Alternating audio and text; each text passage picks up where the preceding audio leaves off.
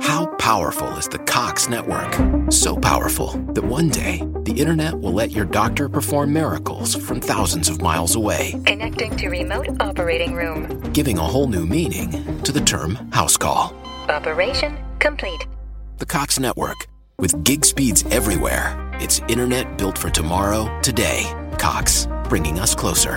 In Cox serviceable areas, speeds vary and are not guaranteed. Cox terms apply, other restrictions may apply.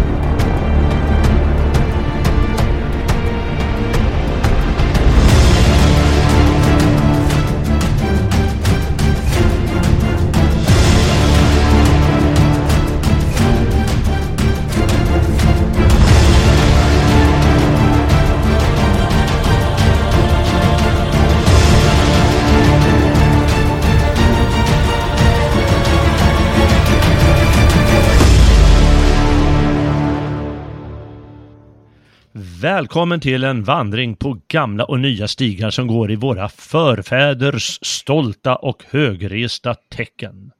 Enligt legenderna kommer nämligen goter, langobarder, gepider, heruler, vandaler och burgunder från våra landamären här uppe i norr.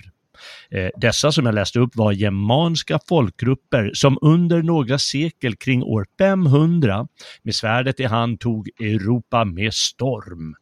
Med äventyrligt sinne drog de fram genom hela kontinenten, från norr till söder och från väst till öst. Ibland med hela sitt folk i långa karavaner längs europeiska slingrande stigar. Romarna kunde inte i längden stå emot de blonda bestarna och därmed möblerade våra germanska förfäder om den europeiska kartan rejält. I två avsnitt ska vi samtala om vilka de här folken var och vad de åstadkom under sina äventyr med romare, hunner, sarmater och andra folk. Och vi är dagen till ära jag, Jalle Horn och den svionske konungen Timmy. Hej Timmy! Hejsan hejsan! Ja. Vart man, vart man eh, titulerad som ko, eh, konung här alltså. Det, Ja, du är väl någon sorts germansk hövding eller? ja, man kan, Har man kan ju du- hoppas att man är härstammar från den. Du har väl något eh, litet kungadöme där i, i Stockholmstrakten? Precis, södra Stockholm, det är, det är mitt. Ja, det är ditt. Ja, det låter bra. Jag vet inte hur med namnet Timmy. Eh, Det, det eh, kommer nog från Timothy, eller eh, jag vet inte om man säger på, och det är nog grekisk eh, Timothy kanske det är. Eh, Mm. Så att, eh, ja, Ja, så ja. germanskt är det nog inte. Nej, det blev grek istället. Men de, de, de är rätt coola de också, greker. Ja, de, har, de har ju lagt någon byggsten till Europa i alla fall. Ja, precis ja. Ja, ja men det är härligt i alla fall. Det är kul att du är med. Mm, tack. Eh, skälet till att vi gör det här är att jag eh, snappar upp några kommentarer i någon av eh, DFS eh, telegramchattar. Och eh, då sa de, ja, så var det någon som sa man borde verkligen veta mer om några gamla germanerna eller något sånt. Jag tror att det stod något sånt. Eh, och Mm. då tänkte jag att måste jag ha en eh, programserie som heter Germanska äventyr. Låter väl bra? Ja, det, det låter ju som det skulle kunna bli en uh, 20-delad eh, serie. Ja, vi ska ju inte ha fler eh, ämnen här på gamla nya stigar nu. Vi ska ju bara ha germanska äventyr. Ja, nej, vi ska peta in lite annat också. Men, eh, men eh, det får väl komma upp allt eftersom. Vi ska börja med ett par avsnitt. Eh, jag tror att vi lyckas få ner det till två avsnitt. Vi kallar det ett dubbelavsnitt. Om germaner under folkvandringstiden. Då de liksom gjorde sig mest kända i, i världen så att säga. Och då, det står mest om dem i historieböcker. Nämligen från slutet av 300-talet och några århundraden framåt beroende på hur man vill räkna det till 600-700-talet någonting. Eh, då blev det stora så här, eh, omvandlingar av Europa kan man säga, bland annat att västromerska riket gick under helt enkelt. Uh, och det blir väldigt översiktligt förstås, uh, för man kan ju fördjupa sig hur mycket som helst, men det måste ju hålla sig inom en vettig tidsram. Så uh, man kan inte gå in på hur varje stam levde och vad man vet om deras kulturella eller sociala förhållanden eller vad det kan ha varit. ja, vi får, vi får nöja oss med de coolaste händelserna. Ja, du får slå mig på fingrarna om jag går för djupt. ja, någonstans. ja, jag säger samma sak till dig. Jag, skrev upp några, några, namn här och det här i till exempel, eh, vad heter han, eh, eh, Tacitus, den romerska historieskrivaren, Tacitus bok Germania. Där finns det ju jätte, jag vet inte, 50 eller 100 stammar tar han ju upp. Så det finns ju hur många som helst. Det här är ju långt senare på, han, han skriver den kring år 100 kan man väl säga. Och eh, det här är långt flera århundraden senare, så nu nämner jag bara några stycken då som eh, grupper som, som gör sig bekanta kring år 400 säger vi.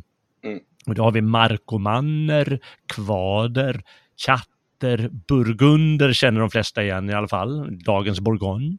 Sveber, ruger, goter förstås, gepider, vandaler, det är många, skirer, langobarder, alemanner, tyringar. Hoppas Dan lyssnar. Han, är från, han bor ju i Tyringen. Mm. Vi har bajovarer, franker, saxare, angler, jutar, semnoner, heruler med flera. Och nu har jag inte sagt eh, eh, göterna här uppe i norr eller sveonerna eller svearna eh, eller vilka nu som kan ha bott här uppe i, i Sverige. Eh, de var ju de som, som, jag har inte läst någon historiebok där det står att de vandrade runt i Europa och köttade. Har du gjort det? Eh, nej, men det, Jordanes, han, han nämner ju att eh, goterna mm. ramlade in från Skansa så att säga. Men, men, man vet inte med säkerhet, eh, man kan inte säga bu eller bä, som det är suioner från början eller ja, du vet, eh, det, det har man svårt att, att, avgöra eller om det har med liksom eh, att de, många brukar ju tycka att goter och uh, juter, alltså Gotland tänker många på då, mm. för att namnen är så lika, mm. men, men, man vet inte liksom. Men, eh, Nej, men det är en skön legend i alla fall, vare sig det är en legend eller verklighet. Och vi kan väl lika gärna dra den historien på en gång, så är den gjord. Att 1434, då hölls ett koncilium i Basel, någon form av kyrkomöte. Och då krävde eh, de svenska, de hade ju tänkt till ordentligt, eh, de svenska företrädarna, de, eh, de krävde att de skulle ha det främsta sätet längst fram, som visar att de är de högsta av alla folk. Ty, sa de, som alla vet så härstammar goterna, ett av de högsta folken på jorden, från eh, våra landamären. Och eh, det hör ni bara i namnet Götaland, eller hur? Det vet vi allihopa hur det är. Och därför anser vi att vi ska ha det främsta sätet här framme. Men då var det några snabbtänkta spanjacker av allting som också var med på mötet. Eh, och de hann innan, eh, innan klubban slogs eh, säga, vänta nu, Eh, så här, vi spanjorer, vi är väldigt stolta ättlingar till de storartade ädla visigoterna eh, som drog fram genom hela Europa och eh, så småningom hamnade i Spanien. Och efter eh, att eh, den hemska moren eh, har varit framme eh, med sina muslimanska, eh, ja, någonting, så erövrade vi tillbaka, vi visigotiska spanjorer tillbaka hela vårt land. Och eftersom, vilka var det då som eh, gick, vandrade ut från era namn där uppe i Götaland? Jo, det var de tappraste och starkaste av alla goter som la under sig hela den europeiska kontinenten. Och därför anser vi att vi ska sitta längst fram. Och det där hade inte svenskarna riktigt eh, tänkt ut att de skulle komma med sånt drag. Så det blev ju spanjorerna som fick sitta längst fram. Tapprast går före äldst tydligen. Ja, sen får man, vet man ju inte, frågan är hur- hur mycket som stämmer. Om man kollar, om man ska gå på DNA-nivå så här idag så tror jag de har, må- många spanjorer ligger runt 15-20 procent eller någonting av så här germanskt. eh. Mm, mm, Så att, ja det. visst, det, det stämmer ju eh, till, till en stor del, men ja. Ja, ja. Ah, ja, de fick det där 1434, men eh, nästa år då är, då är det minsann vi som ska sitta längst fram. ja. Men du, vi, vi, jag sa ju en jäkla massa namn här. Vilka utav de här folken är mest beryktade? Jag skulle säga goterna och vandalerna. Eh, Ja. Ja, Faktiskt. det blir väl det. Framförallt goterna, det, det skrivs ju väldigt mycket om dem, inte minst för att de liksom skapar ett kungarike i eh, Italien. Ja, och inte bara i Italien utan typ hela... Ja, just det, flera kungariken, ja, Ja. precis i Spanien så också. Ja, Spanien som gick ihop med nästan hela Frankrike. Ja, Mm. Alltså, ja. Ja, ja, vi säger de är mest beryktade. Vilka är mest baktalade då? alltså, vandaler är ju ett skällsord idag, är det inte det? Jo, det är ju, det, ja visst, jo. Det skapar, kommer ur franskans eh, vandalism. Mm. Eh, ja, men de är ju mest baktalare givetvis. Eh, och det har väl någonting med att eh, när de erövrade Nordafrika så dog Augustinus eh, i en belägring, den, den mest kända av alla kyrkofäder. Och sen så plundrade de Rom också eh, 455. och vilka är det som skriver till historien? Ja, det är det är ju kyrkan i efterhand. Ja, det är katolska kyrkan. De är jäkligt förbannade på Vadalda. Mm. Det är ju så, de som eh, lever vidare, eller lever vidare, som eh, Ja, hade ja. skriftspråket på sin sida, är ju de som skriver historien. Vilket folk är mest skägg, är, är skäggigast då? Longobarderna, skulle Ja. Langobarder, La- Langobarderna ja. Ja. Ja. Det, Det betyder, betyder mer eller mindre långskägg. Liksom. ja, det betyder långskägg ja. Mm. Det är kul. Och vilket folk är falskast?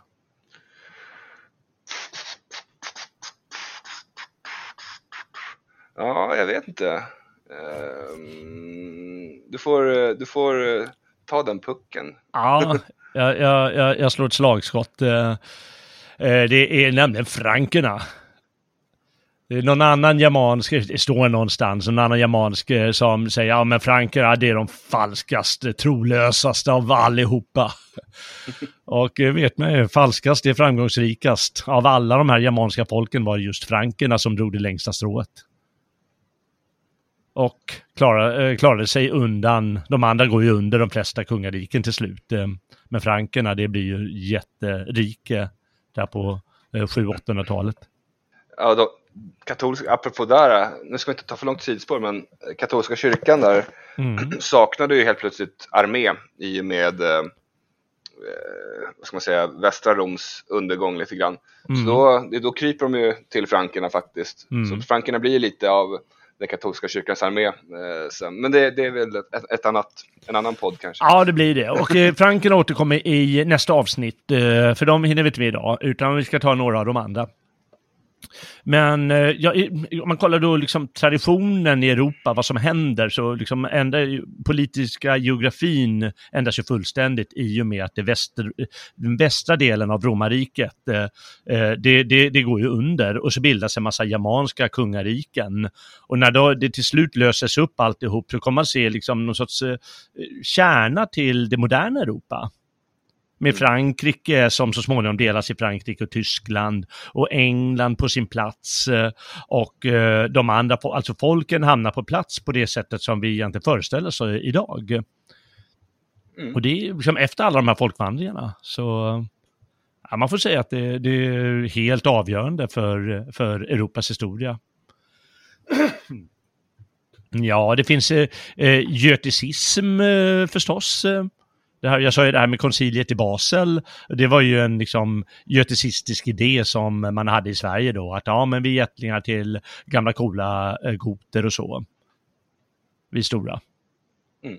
Ja, I Eddan finns det ju förstås flera eh, historier som går tillbaka på den här tiden. Eh, omformade i sagans tecken ofta. Eh, vi har eh, eh, Asterix och Goten, har du läst den? Jajamän. Ja, självklart. Ja, den är underbar, de har så underbara namn, Goterna. Ja. Och där finns det ju, eh, finns ju västgoter och östgoter och sen så eh, finns det även mittemellangoter där. Ja. Och det är ganska roligt för egentligen finns det ett mittemellangoter, de här LB-goterna brukar man säga, de som liksom lite mellan de som ligger längst österut och västerut. Så eh, även om det var påhittat så var det rätt. Eh, England, där när den moderna parlamentarismen skapades på 1600-1700-talet, eh, då sa man att det var en gotisk idé. Eftersom de gamla germanerna hade fria ting, fria medborgare, så menar man att eh, ja, men det, det är gotiskt eh, och germanskt. Eh. Och sen så har vi förstås den, den dåliga traditionen, nämligen gotisk arkitektur som var någonting som skapades under renässansen och då skrev man ner det man kallade gotisk arkitektur. Egentligen är det bara en del av den katolska arkitekturen i kyrkobyggnader, framförallt i Frankrike. Men sen ja, lite överallt i Europa blir det. Men det tyckte man var fult då på renässansen. Och så har vi det här med vandalerna som röjde hårt. Eh, och de har ju liksom ett dåligt eh, rykte att de, när de gjorde om Europas karta här, att aha, men då bragte de hela romarriket på fall och skapade en massa elände och så vidare. Och det blev mörka medeltiden efter det. Men historien är ju vad den är. Vi ska, det finns väl både bra och dåligt där. Ja, så är det Alltså, ibland behöver det väl skakas om också. Exakt. Lite brand, eh, lite skogsbränder ibland brukar göra gott, säger de. Mm. Mm. Eh, på svenska kan vi ju läsa, om vi tar lite, bara lite källskrifter först, lite svårt, man kanske inte ska kalla det helt källskrifter, men det är historieskrivare som har skrivit om de här folken. Och det finns ju, du sa Jordanes. Eh, mm. Och han har alltså skrivit om ja, eh, primärt goterna. Han har väl mm. två verk liksom. Eh, mm. dels så skrev han väl om Rom och romarna överlag och sen så skrev mm. han om got goterna. Mm, just det. Eh, och han var, man tror i alla fall att han var av gotisk härkomst själv ja, också. Mm. Så han har väl dels fått, fått lära sig från barnsben via, vad är det man säger, inte mun till mun metoden, via talet liksom. Mm. så att, ja, det är väl Just hans det. insats i historien. Två, ja. två goda verk. Ja, verkligen. Ja. Särskilt det som heter Getica. Mm. Eh, om man vill leta efter det. Jordanes eh, om goternas historia. Mm, ja, den är rolig, jag ska läsa en liten eh, litet avsnitt ur den sen. Eh, sen har vi en eh, Paulus Diakonus som på, jag vet inte om det är 7 eller 800-talet, skriver om langobardernas historia. Den finns också på svenska. Eh, Gregorius av Tours eh, skriver om frankernas historia. Eh, vi har en grekisk historieskrivare som heter Prokopios. Det finns en bok, han har skrivit flera verk. Eh, han var historiker i östra Rom, eh, Östrom och han skrev om vandalkrigen bland annat. Och det är ju då om man vill läsa, aha, man vill läsa liksom gamla gubbar och se vad som händer. Och just Jordanes och Paulus Diakonus och Gregorius, de tar ju upp roliga berättelser bland annat. Så det kan vara Stilen kanske inte är den roligaste, men innehållet är liksom eh, ganska lustigt med jämna mellanrum. Och om man vill läsa om eh, den här tiden och, och händelserna då, har du något förslag då? Det finns, ja, jag vet inte vart jag, ska, vart jag ska börja så här, något samlat liksom. Har du något på svenska alltså? Nej, alltså jag, jag, jag skulle ju börja med att och, och, och liksom grotta ner mig i... Ja, jag vet faktiskt inte. Nej. Jag har mm. så här, ja. jag, jag, tar ett par, eh, för någon som kanske är intresserad. Det, det, är en bok som heter Goterna, ett krigarfolk och dess bibel, av en gammal professor i tyska som heter Lars Hermodsson.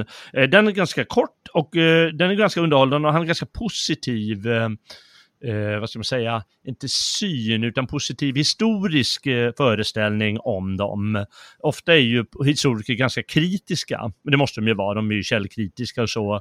Och om man inte uppfyller eh, det kritiska källäget ordentligt, ja då då kan man uttala sig helt att, eh, ja men det där med att eh, goterna härstammade från uh, Uppland eller någon annanstans i Sverige. Det är nog mest en vandringshistoria eller en historia man skapade för att det klingade coolt att vårt folk kom längst ifrån norr.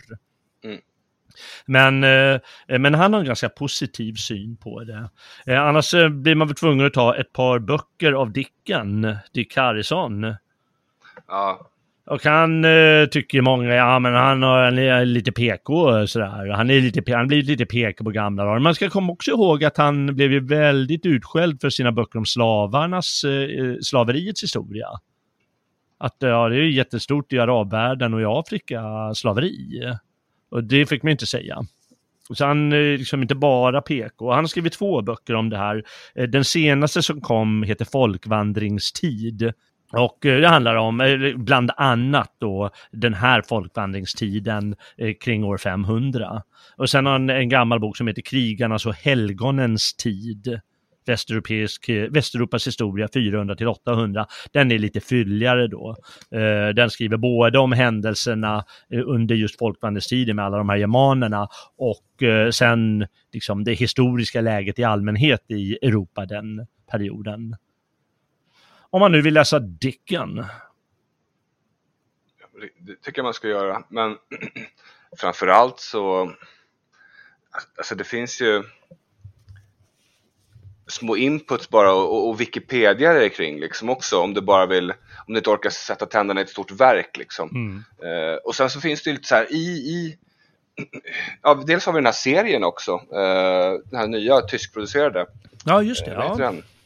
Om man vill ha lite mer, Jag vet inte, Barbarerna.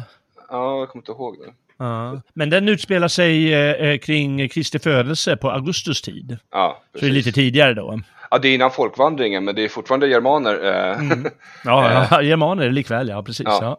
och, och eh, sen så har vi ju eh, även mer så här, nu kulturrelevant, den här i, från Gladiator, så, Mm, där han mm. slåss är, är emot eh, markomanerna. Eh, Just det, just det. eh, om man tycker, vad heter han nu skådisen som är rätt skön?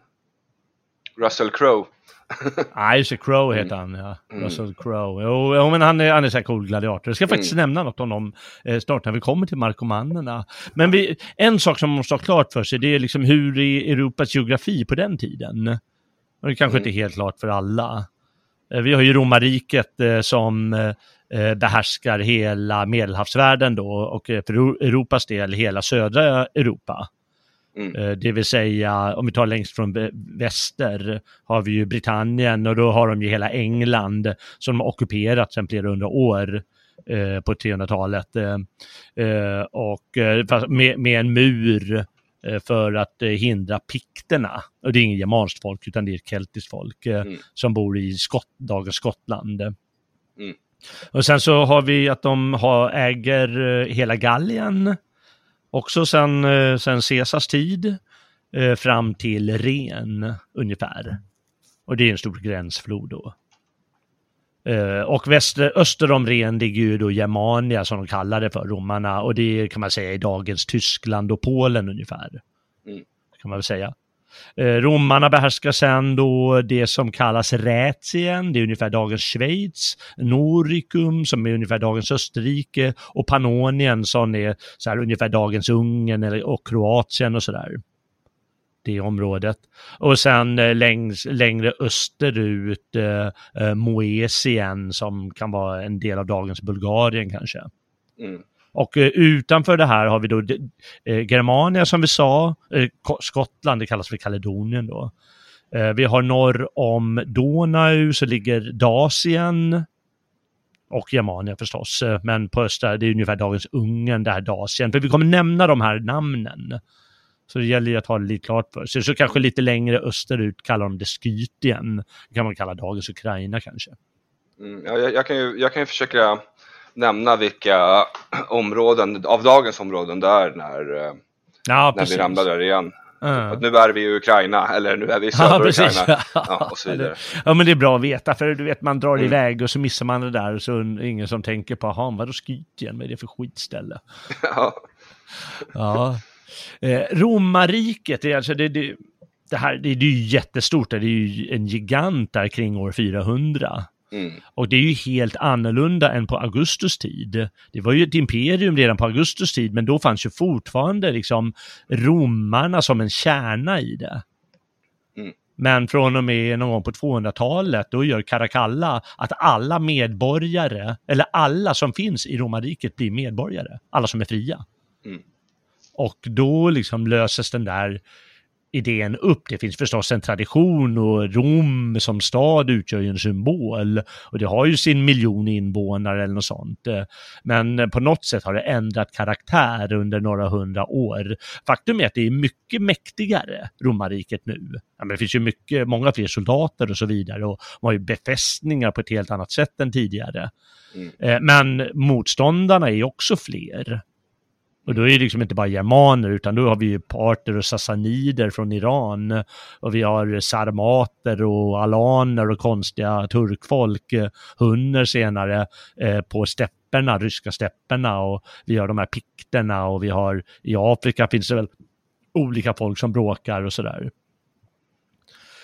Så det, det, krävs ju att de har mycket soldater, men de har många, många motståndare som vi kalla, kan kalla det också. Det är ja, en del lydstater som inte alltid eh, lyssnar, men som ibland lyssnar och ja, om man dryger ut leden som du säger med, med, med andra folk. Det finns ju många, så här, från början kanske inte fanns många så här, germanska befäl, men till slut så börjar de ju bli... Exakt. Eh, mm. De sista, ja, vi, vi ska nämna det mm. snart. Eh, eh, men, men romarriket kan närmast klassas som en militärdiktatur. Mm. Alltså där på 300 och 400-talet. Eh, det, det, det, civila livet och det militära livet är helt separerat och under Augustus tid då var det inte det. Utan de, det, grunden var att man var civil och sen så fick man olika vet du, ämbeten i staten. Men, men det liksom satt ihop och alla var kompisar med alla då kan man säga. Men nu var det helt annorlunda. Det, det var ju professionella militärer som blev kejsare eh, och sen så var eh, i fält hela livet mer eller mindre. Ja, det fanns ja. att göra. Ja, så, så liksom på något sätt, även om det är starkt romarriket, så har liksom inte den här organiska byggnaden längre som det hade tidigare. Så man kan ju förstå att riket går under någon gång när det inte det finns en liksom, kärna i riket längre. Så att Rom, inte ens Rom var huvudstad på 400-talet utan det hade flyttats eh, upp till Ravenna och Milano, städer där uppe. Och så delas ju till och med romarriket 395 efter Kristus eh, eh, i en öst och en västlig del, för det blir för jobbigt att uh, hålla ihop det, kan man säga. Även om de liksom hjälper varandra och, och, så, så är det som två olika stater. Och det kristnas Rom, vilket gör att det ändrar karaktär. Och kring år 400 då bryter ju gränserna samman. I Ren och över Donau har det hänt i liksom 200-300 eh, år, år 400. Och det finns ju massor med folkliga resningar i romarriket. Liksom folk blir sura när de får för höga skatter och så. Det måste ju skrivas ut skatter eller skrivas ut eh, eh, människor som ska bli soldater kanske. Och eh, då gör de uppror hela tiden och romarna är oroliga. Aha, det ska, ska, någon som vill bli ett självständigt rike. Och germaner gjorde väl det, någon germanhövding. Ja, men nu har vi ett eget litet rike här med jämna. Och då använder man dels gick man och slog ner det och dels använde man främmande folk som germanska folk eller alaner, ett sånt här turkfolk, för att, eh, för att tukta de här upproren.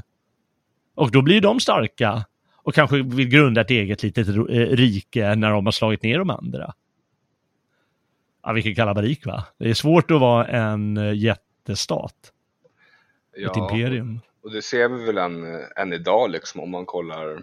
Ja, precis. Det är likadant i Sovjetunionen och USA och ja. alla sådana kolosser. Att ja. någon gång vänder sig den där taktiken mot en själv. Ja, så är det.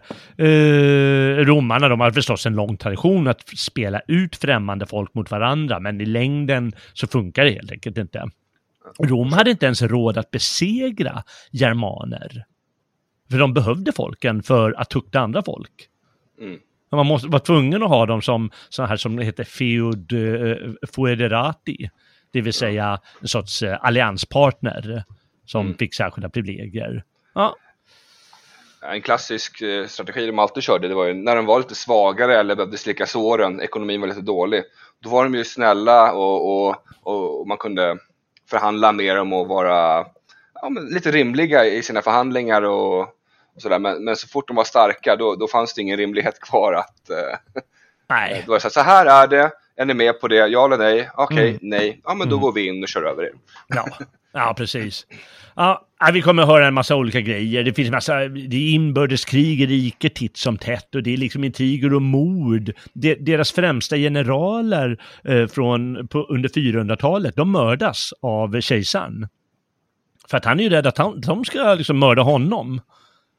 Ja. Han har inget, dra, eh, inget val, men gör sig av med sina bästa kort. Eh, Ja, fatta vilket problem eh, riket hade. Och som du sa på slutet, då var ju de, alla germanska generaler, det var ju, det var ju vad heter det, germanska hövdingar.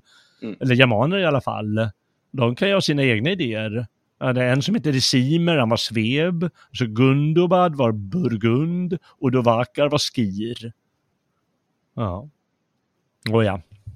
Så är det. Vi kommer mer in på det snart. Eh, eh Germania, det var ju vad man kan kalla Holland och Tyskland och Polen och Tjeckien och Skandinavien givetvis. Och det fanns ju ett myller av folk då. Liksom, de gick ju in, gick upp i varandra med jämna mellanrum och krigade inbördes. Och, och man, man vet ju inte så mycket om takten eftersom det, german, romarna såg ju det bara som en stor jäkla skog, en träskmark och skog. Mm. Men det var ju mycket rikare än man trodde. Alltså bodde ju många fler där och de hade skapat ett starkt samhälle. De kunde snabbt mobilisera. Eh, det, det fanns strukturer för allting. Det var bara att det var så främmande för romarna. Och des, decentraliserat skulle man kunna säga. Så kan man säga. Helt decentraliserat, ja. Precis. Ja.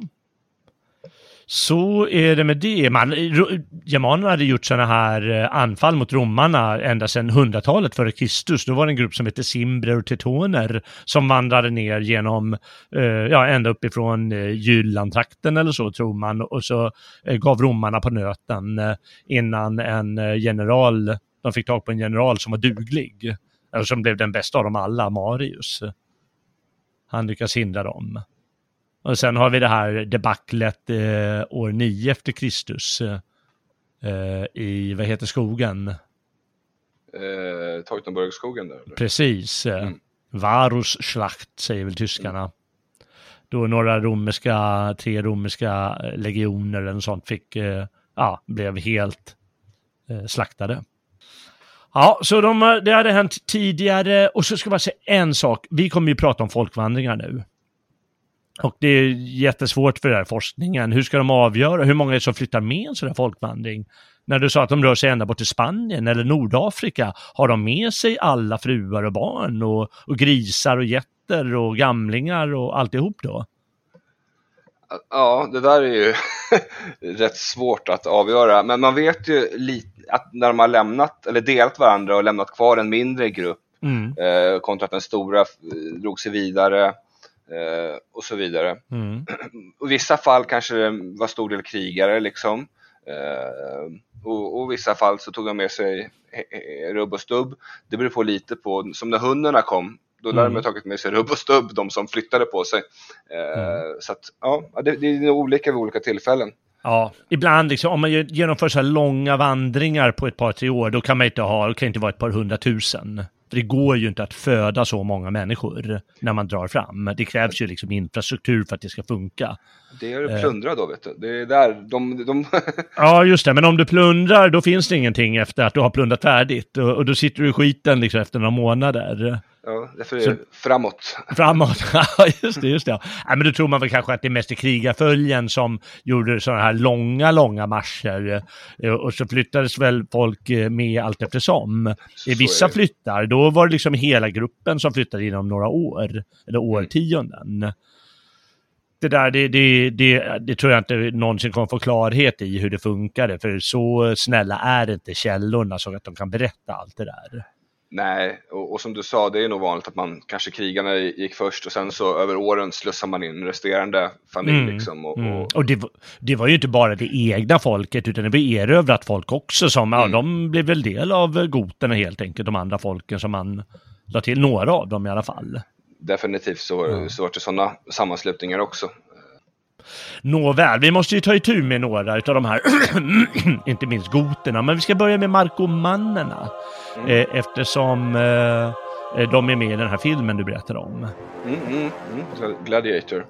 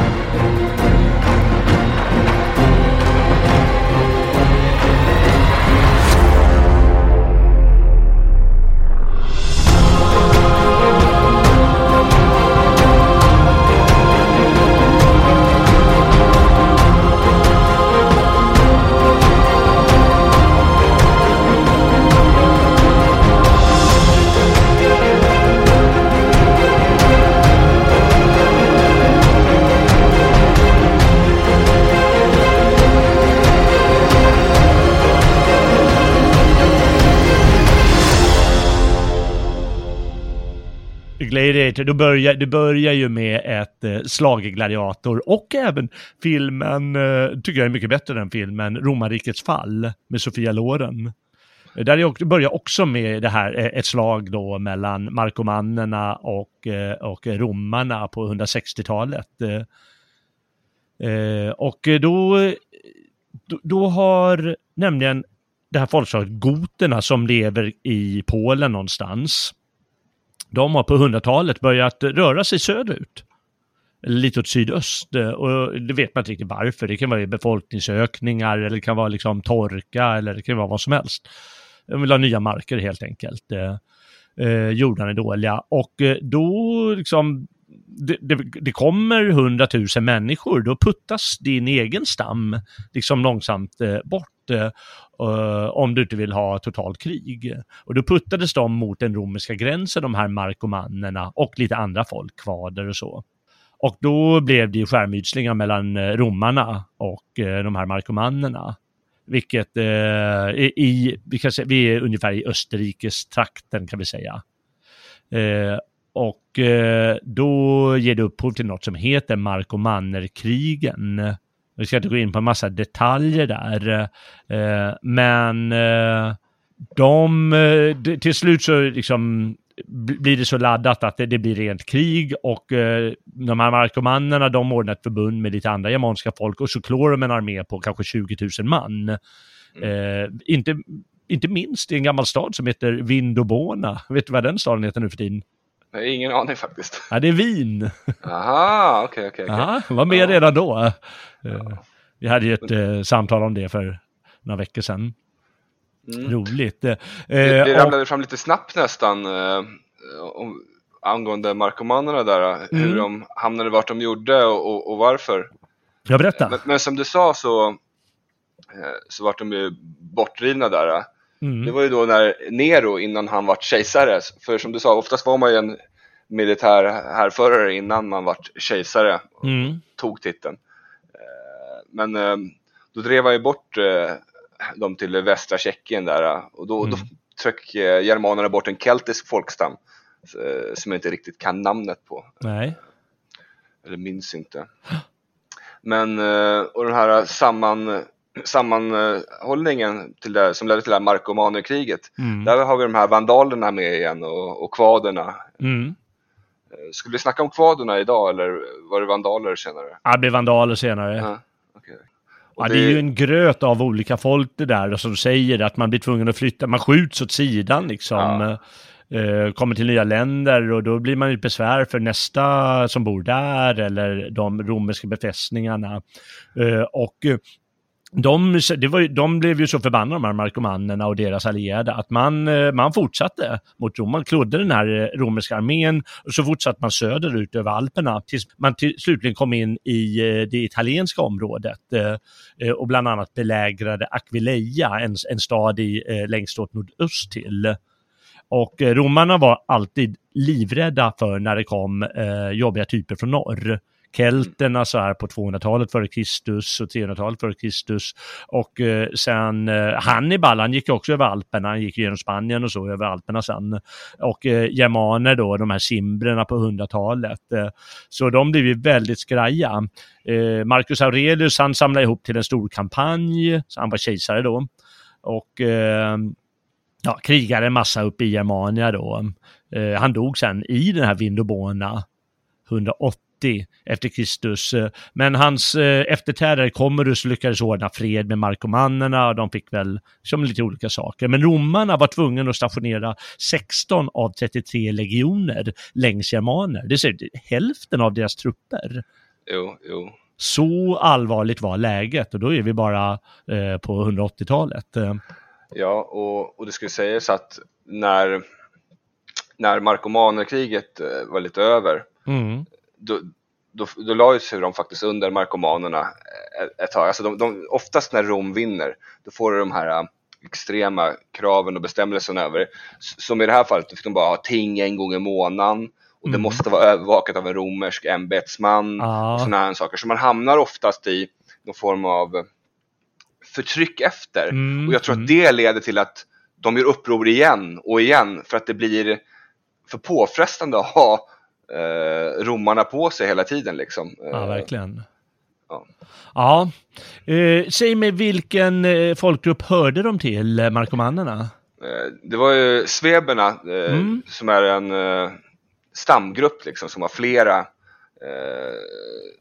flera, flera stycken olika germanstammar Mm. Mm. Just det. under sig så att säga. Ja. De var kända man- för att ha så här hårknutar eh, bak på huvudet eller i nacken. Ja, just det. De hade sin särskilda frisyr. Ja. Ja, häftigt. Oftast har de så här, vissa har långa mustascher, andra Ja. har långt skägg, de andra har en tofs på huvudet. Det, det är lite så man skiljer på dem. Så här, där är tofsnissarna och där är... Ja, just det. Undrar om de hade de där moderna i 400 år. Ja, alltså. Vet. Det gick inte lika snabbt idag, eller då som nu tror jag med moden. Nej, nej, det väl så. Just det, de var, li- höll i sig längre då. Ja, det är sant. Mm. Eh, sveberna, de var ursprungligen från eh, Elbe, floden Elbe, mellersta Elbe. Men de finns ju som sagt lite överallt. Som sa, de har ju liksom de, grenar av olika eh, Mm. folk. Eh, de, eh, de, de omnämns på en runsten i Bohuslän som kallas Röstenen. Eh, där står det nämligen Svabaharjas som betyder svebisk krigare. Och sen i en dikt i Eddan som heter Helge Jörvardsson, en av hjältedikterna, där finns valkyrian Svava med. Och Svava betyder helt enkelt svebisk. Så det var ett känt folk eh, i hela Germania då. Ja, Förstås.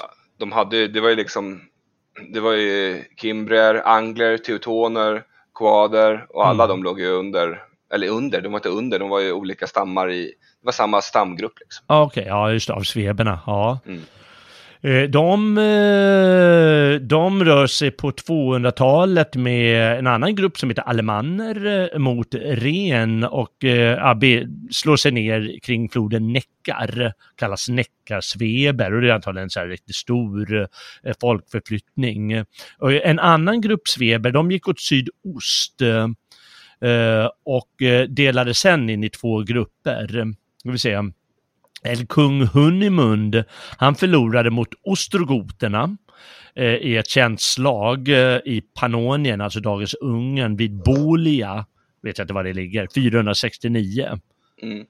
Eh, och eh, efter att ha förlorat det, då drog han till de här andra som bor i Neckar. Och området heter ju Schwaben. Och varför heter Mm. det Schwaben? Eh, Det har jag, Ja, det heter det för att de, det, det är sveber, det är alltså Ja. samma ord. ja jo, jo, jo precis. Ja. Eh, Så de har gett namn till eh, eh, området eh, Schwaben, eh, sveberna. Och, och de som drog västerut där, ehm, Mm. istället för österut, de eh, hamnar ju till slut i nordvästra Spanien. Ja, precis. Det var en annan grupp av dem som de, de tänkte, ja ah, men det där är inte, är, det är inga, fan, då näckar, ah, vilken skitresa, vi vill till Spanien. Ja, och, och som sen också får slåss med goter framöver. Mm. Så de, det är liksom ja, germaner mot germaner i, i Spanien, i Ja. Tyskland, i eh, ja, Grekland och ja. Överallt. eh. ja. Precis, de drog under en kung Hermerik eh, västerut, över Ren, genom Gallien, över Pyranid, Py, Pyrenéerna, Ja. in i eh, spanskt område och bildade ett kungarike. Eh, som de faktiskt hade i 150 år. Drygt. Eh, då de till slut, som du sa, besegrades av goter. Mm. ja, ja, och gick upp i, i det gotiska folket helt enkelt. Men det finns lite svebiska rester tydligen i spanska och portugisiska. Fascinerande. Mm, mm. Mm. Det var ju verkligen, eh, det vart ju ett, de som la riket där uppe eh, i, på Iberiska halvön, de, Mm. försökte ju, de försökte ju ta hela Iberiska halvön ifrån romarna. Mm. Men då kom ju, det var ju då också, vi kommer komma till goterna sen, Ja. det var då också visigoterna vandrade in. Eh, så de fick ju liksom, de slogs med romarna på ena eh, hållet och sen så bara knallade, vad var det här för några andra germaner? Kommer Ja. in norrifrån. Så, att, jobbigt så, läge. så vart de ju krossade, men de vart, gick ju upp som du sa och eh, det vart Mm. ju samgifte då mellan deras adel och, och, och så vidare. Ja. Och, då, och det var där de, eh, vissa vart konverterade till katolicismen där och, ja, det också eh, ja. och arianismen också kom eh, på plats där eh, till och från. Så att, eh, ja. men det är sant du säger och vi kommer komma lite mer in på det snart där med, Mm. med de- deras olika kristna syner och så. Eh, Men, men de drog alltså dit eh, eh, på 410-talet kom de fram till Spanien och hade som sagt ett kungarike i 170 år innan de besegrades. Och det är ju intressant, det är spännande att veta. Och det är ju bara ett folk av många. mm, Men nu kommer vi in till den stora puck, in på den stora pucken. Och det är förstås goterna. Mm, De har i alla fall alla hört talas. Alla har ju inte hört talas om markomanner och, och, och sveber och så, men goter är väl ingen som har missat. nej, det tror jag inte. Nej, och det är ju, vi har ju tur. eh, Jag hade, jag hade faktiskt en, en, en kursare i Umeå som sa, nej men nu pallar jag inte det här längre. Jag var också, jag kunde inte heller palla där så länge. Men de sa, nej men nu ska jag flytta till Lund och studera gotiska språk. Eh, Det är ändå det högsta. Allt annat skit. Ja, det, det är väl det man vet mest om också. Alltså det, det, det, är väl det som är mest bevarat av de här gamla, gammelgermanska språken. Liksom. Precis, eh, av de gamla som har, de flesta har ju dött ut. Bland annat gotiska, men, men det finns ju kvar på grund av eh, silverbibeln. Mm. Eh, Det vill säga en översättning som gjordes eh, och en del av den översättningen finns kvar. Den ligger ju i Uppsala, eh, Uppsala universitetsbibliotek eh, Mm, eh, och kallar silverbibeln ett krigsbyte som man tog från Prag eh, på 1600-talet, svenskarna. Mm. Och eh, den, eh, då, då, det är ju skrivet, den är översatt till gotiska av en man som heter Wolfila, eller Wolfila, Mm. Lilla vargen. Betyder det? Någon biskop där. Ja, han, kallar, han blev väl någon sorts biskop, precis ja. Bland Han är, han, är, han är ändå en hyggligt viktig roll sen för arianismen. Och, ja. Mm. Mm, vi ska komma in på det. Eh, det, det, det. För övrigt talades ända fram till 1700-talet eh, gotiska. Eh, på Krimhalvön fanns det en rest goter som pratade, som ja, höll i. De höll ut. Ja, de- fanns, alltså det fanns ju kvar, alltså när, när eh, krimtatarerna kom där på Mm. 1500-talet, så trots att de liksom vart nästan assimilerade eller till stor del dödade, ingen vet riktigt vad, så levde ju ändå språket kvar där i det området en stund. Mm. Så, så det tyder ju på att det skedde en, en stor assimilering eh, med, med dem eh, kontra att de vart helt utraderade liksom. Ja, precis ja. Mm. Mm. Men eh, det finns ju lite DNA och sånt kvar. Men, Oh, men språket är, är tyvärr dött. Eh, ingen som talar längre. Eh, men enligt Jordanes som du sa så fördes ju de från Skandinavien eh, av en Mm. kung Berig eh, ner till Germania och närmare beställt Polen, den polska floden Wisla. Mm. Ja, och eh, nu ska vi se, då eh, tänkte jag att jag skulle eh, läsa här lite ur Jordanes bok. Mm. Och så, han skriver så här. Det berättas att goterna en gång utvandrade med sin kung Berig från denna ö, eh, Skansa då, eh, liksom från en verkstad där folk skapas, eller som ur ett folkstammarnas modersköte. Så snart de stiger till land från skeppen angav de genast landet. Än idag sägs det kallas landet Gotiskansa och det är det här området i Polen då. Mm. Därifrån begav de sig strax och stad till Ulmerugerna, vilka då bebodde oceanens stränder. Där slog de läger och inlät sig i strid med ulmerugerna och fördrev dem från deras hemvist. Därpå underkuvade de vandalerna, deras grannar, och tvingade dem genom sina segrar över dem till anslutning. Men när folkets talrika skara växte och när man redan hade vid pass den femte konungen efter Berig, nämligen Filimer, Gadariks son, fattades det beslutet att deras här jämte hustrur, barn och tjänare skulle bryta upp och fara därifrån. Och då har vi ju det där att, jaha, men nu är det hela folket som ska flytta. Ja, så är det ju. Så de, ju, de börjar ju knalla.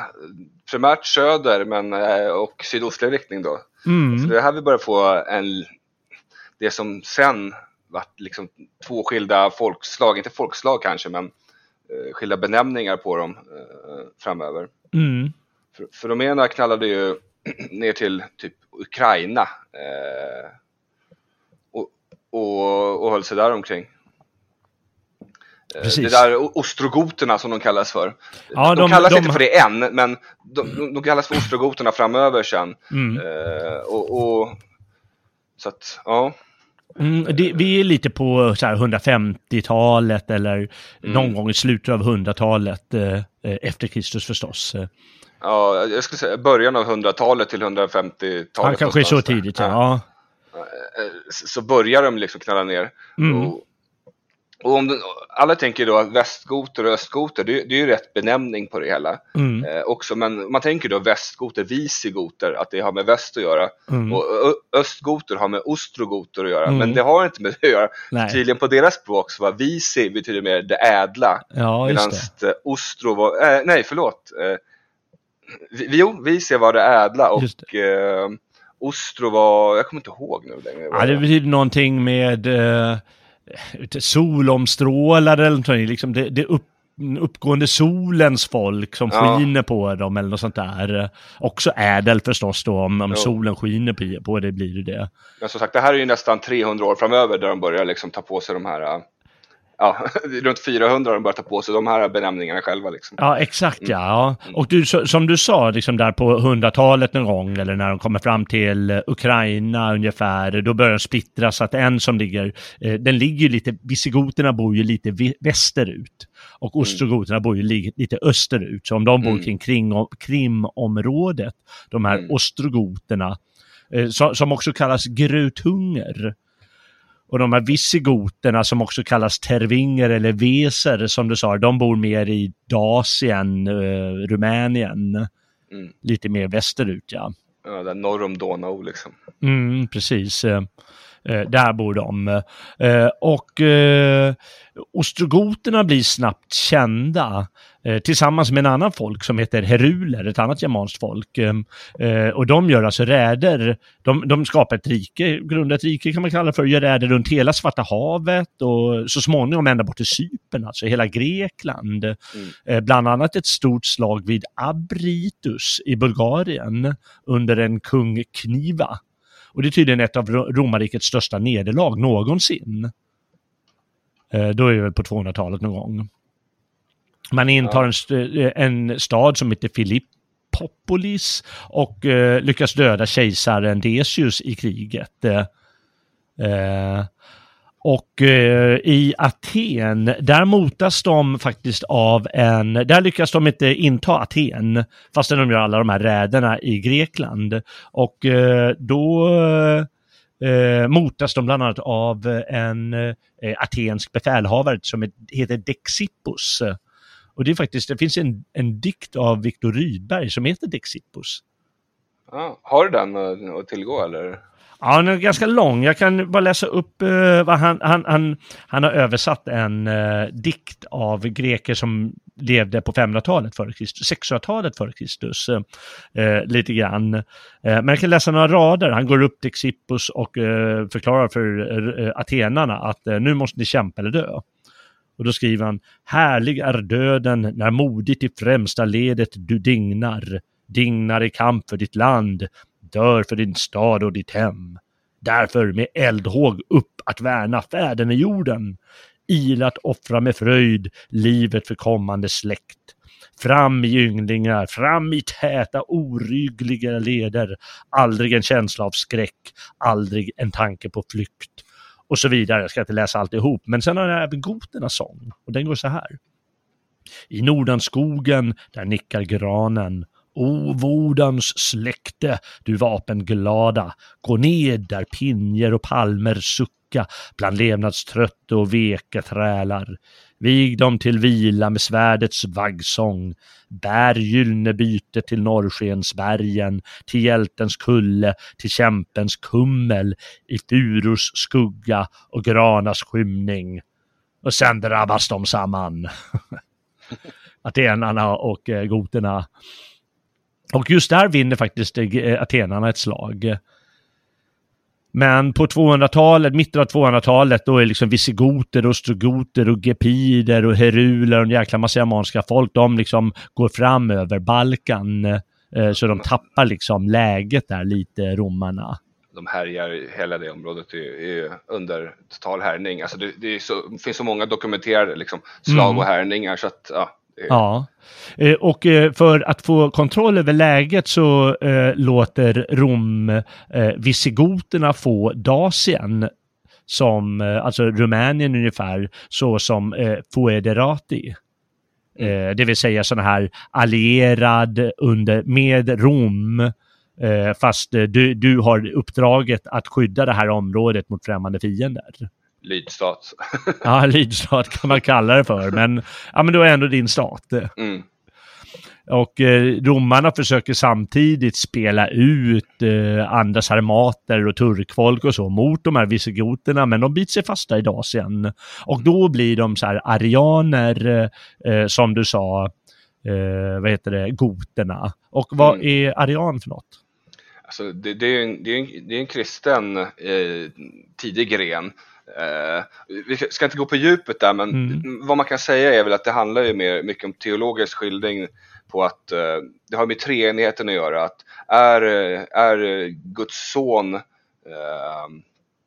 är det Gud eller är det just hans son? Mm.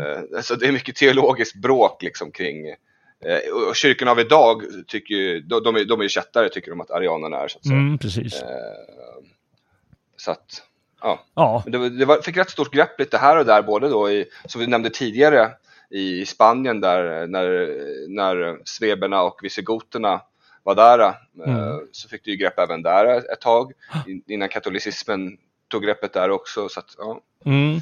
Den romerska kyrkan, den blev ju på 300-talet, eh, då blev ju kristendomen statsreligion. Mm. Och det fanns ju som du sa en massa olika idéer om hur man skulle förklara eh, religionen och läran. Mm. Och den här Arius, eh, han var då en utav många och som hade sin idé. Och det blev ju som du sa kallat kätterskt så småningom.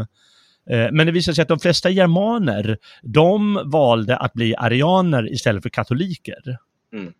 Uh, och det vet jag inte om det är deras kynne eller bara för att skilja sig från romarna eller varför. Uh, men, men det är spännande i alla fall. Fråga Magnus Söderman, han, han har bestämda åsikter om det där. Det kan jag tänka mig. Ja, men eh, då, då får man gå och fråga honom. Jag, jag, har inte så bestämda åsikter om, i den frågan i alla fall. Men det är väldigt intressant att germanerna just valde det i alla fall, att eh, de hade den synen. Ja, och det vart ju även schism där inne, för många av dem var ju fortfarande he hedningar. Alltså de hade ja, sina heliga lunder liksom. Och, mm. Så att, uh, ja. Ja, det var ju några utav goterna blev liksom romaniserades eh, som man brukar kalla det för, ungefär som gallerna gjorde under, eh, när de blev erövrade så valde många romar, eller goter, de ville ju bli romare många utav dem. De ville ju ha den sortens lyx som ett romerskt liv innebär. Eh, många gick i romersk tjänst och faktum är att utan de här germanska soldaterna i den romerska armén, då hade romarriket aldrig hållit, hållit stånd. Nej, och det de behövde ju folk att fylla, eh, fylla eh, ja, sina arméer med. Liksom. Verkligen, behöver dugliga krigare. Mm.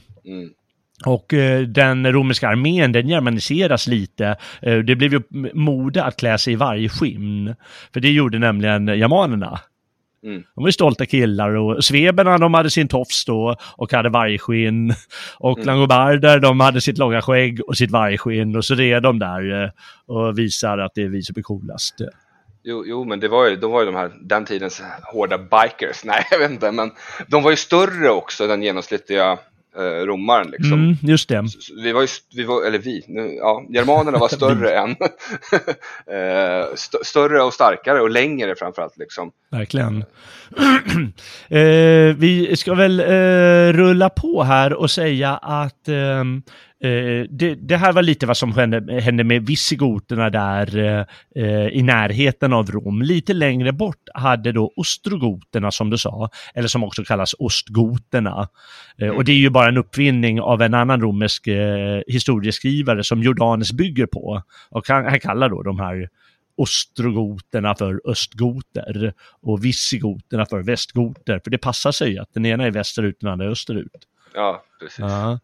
Eh, och eh, då, eh, de ostrogoterna skapar då det här riket eh, kring Krimhalvön, ett ganska stort rike. Eh, och eh, de har ju, som vi sa, de har ju härjat där ända in i Medelhavet. Eh, och så. Och eh, de, framförallt en berömd kung som heter Ermanerik. Eh, Mm. eller som han heter i Eddan. Eh, Jormunrek heter han. Det finns flera isländska berättelser. Härvararsagan, den berättar om rejdgoter. Eh, och eh, Ermanerek, eller Jormunrek, han finns då i Eddans eh, dikter Hamdismål och Gudunkvädet. Eh, och lite mustiga historier, Jordanes, alltså det är liksom legendariskt rike närmast. Mm. Men Hermanrik, eh, han hade ju oturen att åka på en av de svåraste motståndare någonsin.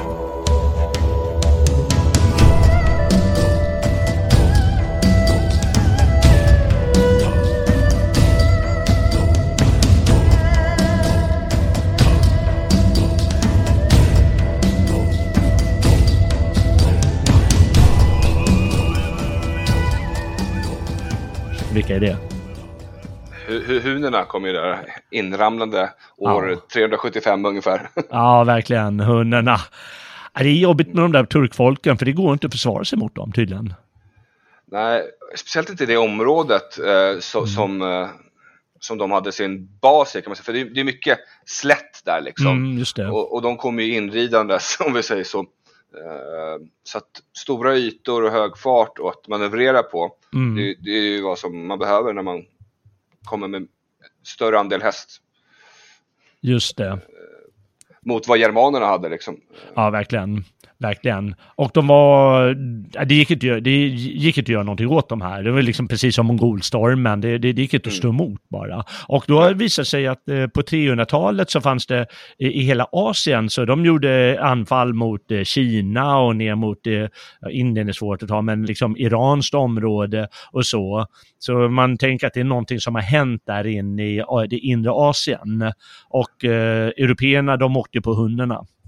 Ja, och, och det vart ju, de vart ju kuvade helt enkelt. I alla fall östrogoterna. Ja, ostrogoterna, ja precis. Eh, Men Visigoterna lyckades lite bättre. Eh, en del av utav dem, speciellt den som var säga, kritisk till kristendomen, han som fortfarande var hednisk, Mm. eh, eh, att han har Rick, eh, han drog sig undan till den här Sidenbin Bürgensberg, typ dagens Transylvanien där i centrala Rumänien och gömde sig i bergen där lite grann, eller ja, The Festivalbergen. Ja, precis. Eh, Medan den här arianer visigoterna då, Mm. det var ju en delning av dem där liksom för att Mm. de ena var ju lite mer på Roms sida och vart arianer och de andra var hedningar och inte Mm. på Roms sida.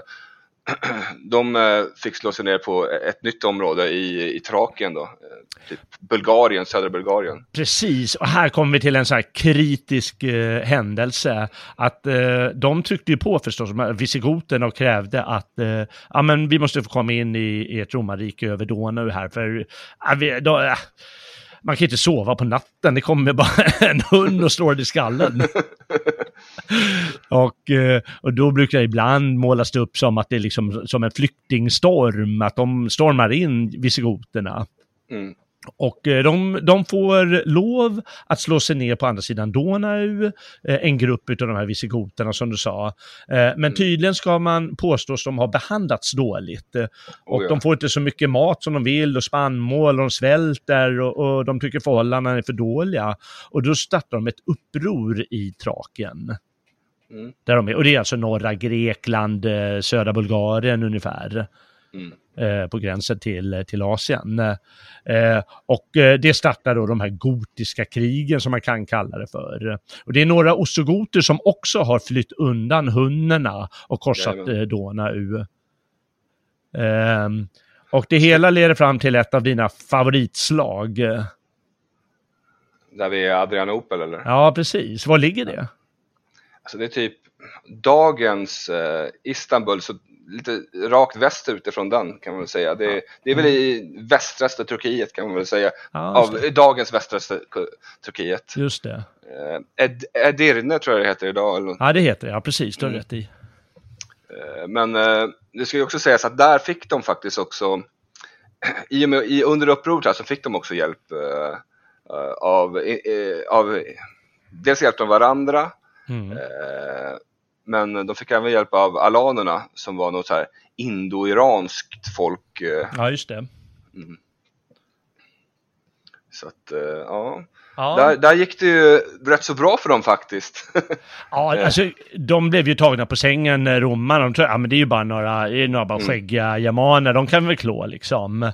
Men de åkte på storstryk, romarna, och kejsaren dog i, i, i slaget. Eh, 378 är vi nu alltså. Mm. Ja, så det visar sig att eh, håller på att vända här och hända något nytt. Eh, och Ja. som, van, som vanligt händer då så, eh, man, man anordnar lite folkmord och har skrivit här på Got i mindre Asien. Det är ju inte smartast att göra. Det vill säga dagens Turkiet. Eh, Men eh, man vill väl bara visa var skåpet ska stå och slippa fler jobbiga typer som liksom hör de här nyheterna och kanske gör samma sak. Eh, Men vid freden, då fick visigoterna bli foderati i Trakien den här gången. Det vill säga så här lydstatsallierade som du kallar det för. Ja. Ja, Och det här slaget där som, tillbaks till det lite grann, Mm. och, och förlusten för dem där. Mm. Det brukar man säga att det, det är starten på, på liksom eh, början på slutet av det västromerska rikets fall Mm. och, och, och starten på den germanska folkvandringstiden. Och då ska det sägas, nu har de ju vandrat runt rejält mycket tidigare. Vi har ju bara pratat om att de har knallat runt överallt. Men det är nu man börjar snacka att nu börjar de vandra på riktigt. Nu börjar de vandra på riktigt ja. Så man brukar alltid säga i historieböckerna då kallas det för hunnerstöten. Mm. För den stöter till de här germanska eh, goterna i första hand som rör sig in i romarriket och sen stöter på nya folk och alla får idéer om att jaha men då ska vi eh, då ska vi eh, grunda ett rike någonstans där det finns bördig jord och, eh, och, och där, man, ja, där vi kan ha ett schysst rike till exempel. Helt enkelt. Visigoterna de vill ju till Nordafrika tydligen. Eh, nu, för de började få idéer när de har blivit, ja, har nu blivit insläppta i Dasien och sen in i Trakien. Ja, men varför inte fortsätta? Ja, varför inte? Ja, och under kung Alarik, eh, då blir de, alltså, romerska armén blir ju beroende av dem och de blir nästan som en stat i staten. Eh, de, de liksom hjälper ju Rom och deltar i, i romerska inbördeskrig och så vidare, men de har egna idéer, de invaderar helt enkelt det grekiska området. Som tillhör romarriket förstås. Eh, Och romarna måste ju kontra, jaha men vad ska vi göra det här då? Ja men nu vet jag, vi, vi utser honom till militär chef i Illyrien. Det är ungefär som Alba, dagens Albanien. Mm. Bara för att, ja men vi ger honom en, en liten kick så här, så kanske han blir en av, dem, en av våra killar. Eh, och, men han, han är inte nöjd där, utan han siktar på Italien. Han tänker att, ja men, ja, nu ska jag plocka Italien. Jag har plockat Grekland, kan jag väl plocka Italien också? Ja, så det vart en belägring där Jaha, ja, berätta. på självaste Rom. Ja, just det, så småningom. Men, men Ja. först så försöker, först försöker han ju gå in där med, med sina visigoter i Rom. Men då är det en, en annan german som står i vägen. Eh, generalen, eller liksom överbefälhavaren för den romerska armén, eh, som heter Stilicho. Mm. Och vet du vad han var, tillhörde för eh, germanskt folk? Ja, jag kommer inte ihåg. Eh, han var vandal. Ja, ja. Eller pappan var vandal. Mm. Ja, och eh, han var ju överlägsen general, va? han var liksom överbefälhavaren bland romarna. Jag menar, romarna kunde inte sätta in allting mot eh, de här visigoterna vid, när de härjade i Grekland och där. Jag menar, så, så mycket folk har man inte och så mycket bryr man sig kanske inte om det, utan man tänker ah, det ordnar upp sig. Det lugnar ner sig. Det lugnar väl ner sig så småningom. Och det Stilicho han visar var skåpet skulle stå. Och eh, i, precis i början av 400-talet. Eh, eh, och det kom in andra goter också under en kung Radagusius. Eh, men den besegrades också av Stilicho. Eh, men kommer vi till ett av de här konstigaste grejerna att Stilicho avrättas av kejsaren. 408 efter Kristus. Flavius Honorius gjorde det klantdraget. Ja, det är ju så. De, eh, de brukar ju avrätta varandra förr eller senare. Ja, och det, då, då har man ju en, en då är det någonting som är ruttet i ens egen stat när man hela tiden måste vara orolig för varandra. Det tar Platon upp i, i eh, staten tror jag. Hur tyrannerna, de blir ju alltså oroliga och vågar aldrig sova. Mm. Och det blir ju så här att de avrättar sin bästa man för att han är rädd för att han kommer avrätta mig som är Mm. kejsare här. Eh, och eh, inte nog med det, den här Flavius, han ordnar en massa massakrer på goter i Italien, bland, bland annat folk som är med i, armén.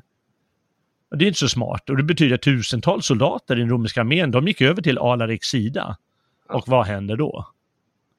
Ja, då kommer vi till det jag nämnde tidigare. Det Ja. var ju en skön belägring av Rom där som och till slut en, eh, en rejäl plundring. Alltså för, för inne i Rom också så hade de ju fullt med, inte bara soldater, det var ju även slavar. Alltså Rom var ju fullt av slavar liksom. Mm.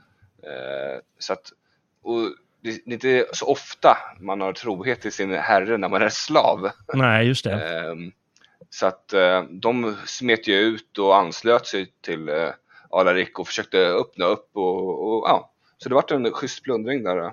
Ja, och nu förstår man att det är någonting, nu, nu blir de ju rädda.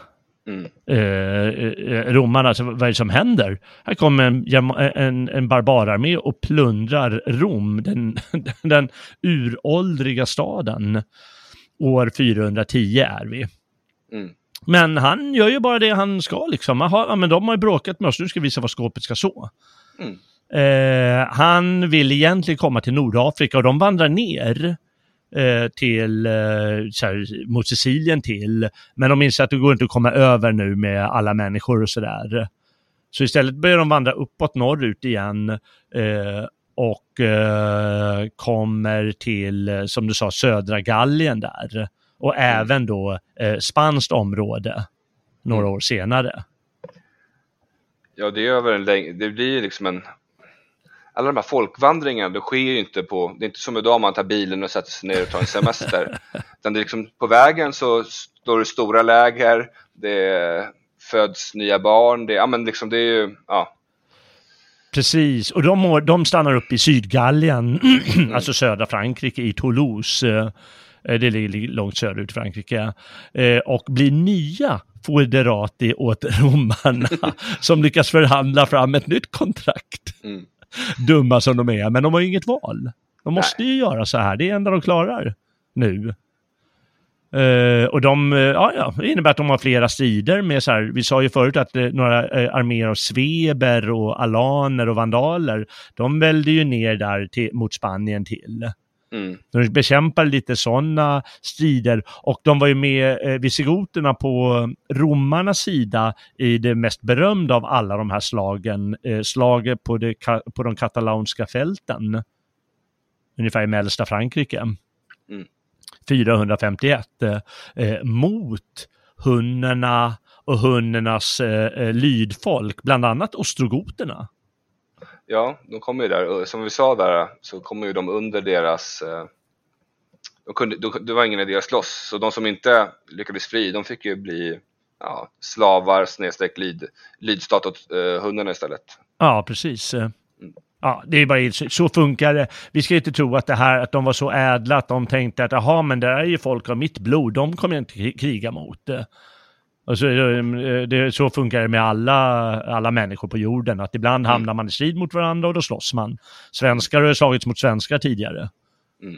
Det har ju hänt liksom. Så, sånt händer och då krigade de mot varandra. Det var romarna som, romarna och visigoterna som, och vilka nu som var med dem, som, som vann mot eh, motståndarna. Och eh, då kunde de skapa sitt kungarike i, eh, i Spanien och då södra Gallien. Och då har jag sett en uppgift här att det var, man kan tänka att det var ungefär 200 000 visigoter. Och det är ju inte bara soldater utan det är ju som du säger, att det är ju eh, gotiska människor och andra som de har plockat upp på vägen. Mm. Som slår sig ner och bildar den här staten. Och då finns det ungefär 6 miljoner eh, människor där på den Iberiska halvön eh, eh, redan. Och i längden kan de ju, kommer de ju till, till slut slukas upp av det. Det krävs ju lite större massor för att man att det skulle bli ett visigotiskt. Och man pratar ju spanska i eh, Spanien idag Mm. och inte ett germanspråk. eh. Men så är det i alla fall. Eh, Så småningom så förlorar de den franska delen när frankerna, de falka, falskaste av dem alla, erövrar i början på 500-talet.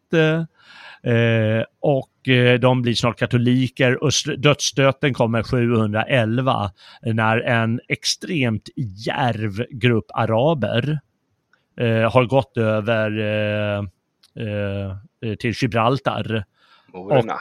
Ja, bara, bara en sån blitzkrigföring lyckas slå ut hela det här väldet. För det var väldigt mäktigt, eh, eh, eh, visigoternas välde. Oh ja, alltså det var ju stort. Ja. Eh, men sen ska det sägas, de, de, de var ju liksom som en liten adel där. Mm. De, de levde ju bland de som redan bebodde området liksom. ja. Ah, de, de eh, trängdes upp till nord, vad blir det, nordvästra, norra och nordvästra Spanien, Asturien, visigoterna, och därifrån ledde de Reconquistan. Mm. Tog ju några hundra år, men jag har skrivit att eh, slaget vid Covadonga satte igång det hela 722. Så de är stolta spanjorerna över sitt eh, visigotiska arv som ändå har liksom bringat tillbaka dem hela eh, sitt Spanien. Ja, och, och då ska det sägas att visigoterna innan, där nord, i nord, just i nordvästra Spanien och norra Portugal, Mm. där var ju sveberna innan som sen vart sammanslagna med visigoterna. Så Mm. det är liksom sveber, visigoter och därifrån en reconquista liksom. Ja, just det. Mm. De är ju coola, visigoterna, men ännu mer kända är ostrogoterna. Faktiskt. Eh, Och vi sa ju att de blev kuvade av hunnerna. Mm. Ja, och de, eh, de eh, i och med att de blev det var de tvungna att ställa upp på eh, hunnerna. Hunnerna bildade ju ett rike liksom, i centrala Europa kan man säga, med Ungern som mittpunkt. Eh, och eh, då på det här berömda slaget vid katalonska fälten 451, då förlorar de. Eh, men när kung Attila, hunnerkungen, och Attila, det är faktiskt ett germanskt namn. Jag tror det betyder lillefar eller något sånt där. Ja, det visste jag inte, intressant. Jag trodde det var eh, något Ja. turknamn. men- Nej, det är tydligen ett, germanskt namn. Jag funderar ibland, undrar om han var german. Ja, Varför ska han annars ha ett sånt namn? ja, alltså det är det som är så otydligt. Det, det är samma sak som, nu kanske jag sprider mig vidare, men ta Egypten och, och Mm. de som bodde där. Mm. Eh, Och om man kollar på avmålningar på dem och hur de såg ut. Och de ser inte ut som dagens eh, E- Egypter om vi säger så. Nej, just det. Nej. Nej, Så att, ja. Ja, det får vara hur det är med det. Men han Mm. dog i alla fall eh, enligt legenden av en gotisk kvinna. Gissa var? I sängen. ja, förstås. Han ska ha på bröllopsnatten med en eh, flicka som heter Ildiko, en burgundisk eh, prinsessa. Då drog han sin sista suck. Han dog 453 och då löstes väldigt snabbt det här eh, hunnerväldet upp. Eh, och eh, de slog sig fria, ostrogoterna. Och tillsammans med en massa andra germanska folk då. Och, och segrar mot, mot dem. eh, och de, de bosätter sig där i norra Grekland, Bulgarien, då ostrogoterna efter det. Eh, och de strider mot det östromerska väldet. Eh, Rom är ju som sagt eh, delat vid den här tiden. Så de vill, de vill också grunda sitt rike som visigoterna har gjort. Och deras främ, mest kända person, han heter Teodoric den store. Mm. Och han hade uppfostrats i Konstantinopel, alltså det östrik, östromerska rikets eh, huvudstad, så som en så här, eh, som, som man gjorde förr, att man gav ut sina söner till varandra. Här får du min ja. son, det är ett sätt att hålla fred. Ja, för annars så dödar vi din son. Ja, precis. Ja, ja, vi ska hålla fred, det är lugnt. Typ eh, som Arminius, alltså det var inte bara på den här tiden, det har, ju, det har varit en tradition länge. Vi går tillbaks nu till Teutoburgskogen och Arminius. Han var ju också uppväxt liksom som romare mer eller mindre. Han hette ju inte Arminius, Arminius är ju typ eh, den eh, latiniserade varianten av hans riktiga namn liksom. Ja, precis. Herman eller... Ja, Herman säger Martin Luther mm. att han hette egentligen. Ja, så att... ja, nej men det är ju sant. Så det är ingen nyhet. Det, ju, det har ju väl alltid funnits eh, överallt i världen kanske, när man ska eh, hålla på med lite diplomati. Mm. Men han får av kejsaren 488 får han medgivande att kriga mot en viss Odovakar. Mm. Tillsammans med sina ostrogoter. Och Odovakar, han var också en german. Mm. Han var skir och han var eh, eh övergeneral för den västromerska delen och eh, han har blivit ledare för livvakten 470 eh, och eh, han gjorde sig själv till kung helt enkelt eh, i det här västromerska riket. Han, när han tröttnade på det hela då avsatte han helt enkelt den sista kejsaren, Romulus Augustulus 476. Och det brukar man ju sätta som slutpunkt på den, eh, eh, det västerromerska riket. Mm. Och så gav han jord till eh, germanstammar som fanns där. Sina polare. Mm. Men Teodorik eh, den store, eller han skulle komma kallas Teodorik den, stor, den store senare, han besegrar den här Ordovakar 493 och intar Ravenna som är, är huvudstad i, i romarriket då, det västromerska riket. Eh, och han, ja men då skapar jag väl ett eh, kungarike här, som i Italien och Dalmatien, det vill säga Kroatien kan man säga. Och det är ju väldigt känt att han gör sig till kung över Italien eh, på riktigt eh, och erövrar det. Västrom är borta, germanerna är de nya härskarna. Ja, då har vi det, det största ostrogotiska kungadömet. Eh, mm. Det är liksom Sicilien, Italien, eh, eh, sydöstra Frankrike, mm. eh, bort in i Ungern och ja, mm. det är ja. I alla fall inte hel, långt ifrån hela Ungern, men ja, delar. Ja, ja. Så att, eh, och så, som alltid vid den här tiden får man ju problem på halsen, man får andra som inte tycker om att man blir så mäktig. Och vi har ju där Ostromiska eh, riket, eh, Östrom, det vänder sig emot honom förstås. Och det sluter förbund med ett, ett germanskt folk som har blivit starka som vi har nämnt, nämligen de falskaste av dem alla. Frankerna. Frankerna, då som, som, som vi hör på namnet har gjort sig, skapat sitt kungarike i Frankrike. Det ska vi beröra i nästa program. Mm. Eh, och de har olika förbund och eh, sätter press på östromarna. Till slut dör ju den här Teodorik den store av, av ålderdom eller sjukdom eller något sånt, alltså inte krig. Utan han var väldigt duglig härskare som han gav germanerna och romarna lika, eh, lika villkor i Italien så att de kunde leva sida vid sida. Eh, germaner och romare fast med egna lagar. Han såg till och med av romarna som Roms stora försvarare. Så han, han var en duglig härskare, men när han dog, då fick de det lite svårare och Östrom, de anfaller 535 efter att de har segrat mot vandalerna tidigare. Och de har en fantastisk general som heter eh, Belisarius. Och eh, det gör, eh, eh det gör processen relativt kort med germanerna. De, de, de vinner i de olika slag.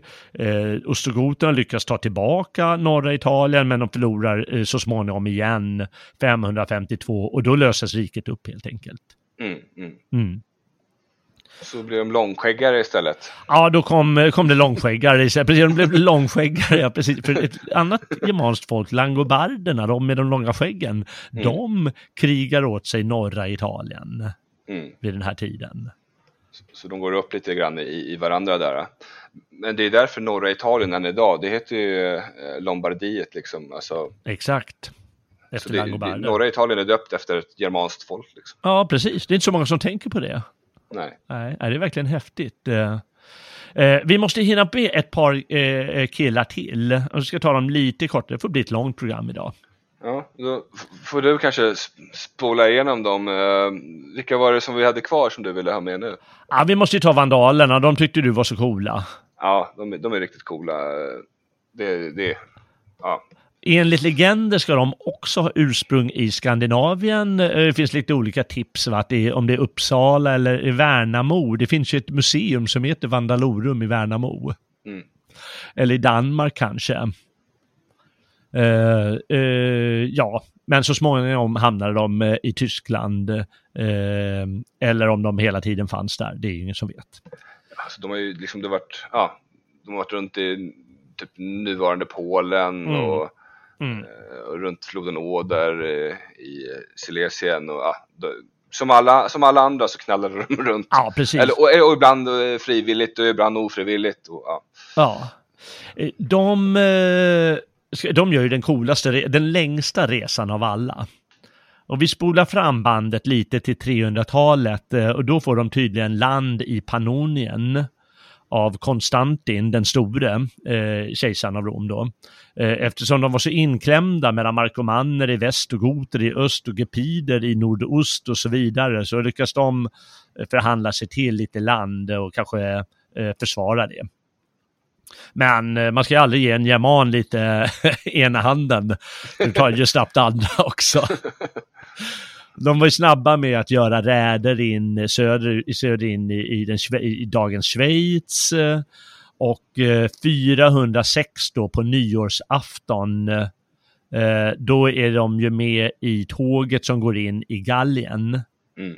eh, Tillsammans med över alanerna och, sve, och sveberna. Och, ja. Ja, precis. Eh, och de tar sig snabbt vidare eh, till över Pyrenéerna och eh, där blir de eh, foederati åt Rom. Som många andra. Mm.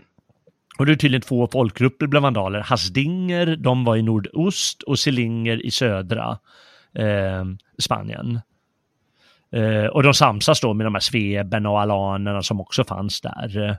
Mm. Eh, och förde olika krig med dem också förstås. Och eh, de tycker att ah, men vi vill ha det finaste området av alla.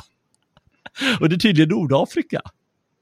Ja. Men det är ju väldigt bördigt där i, i eh, Marocko, alltså mot Medelhavet till Marocko, Algeriet och Tunisien. Mm. Och det finns ju, och det är det de vill ha. De vill ju ha bra mark åt sitt folk. Mm. Ja.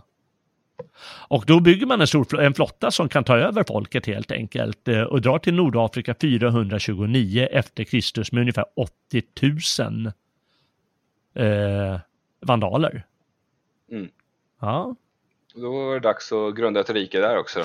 Ja, och då krigar man eh, mot, eh, det, det tillhörde ju Rom, eh, det här Mm. området. Eh, eh, så man krigar mot romarna där, man kom upp mitt i ett litet, eh, i en maktkamp med, mellan en Bonifatius som var där och ville göra sig till kung över området. Han såg ju vad som hände med romarriket, det faller ju samman liksom.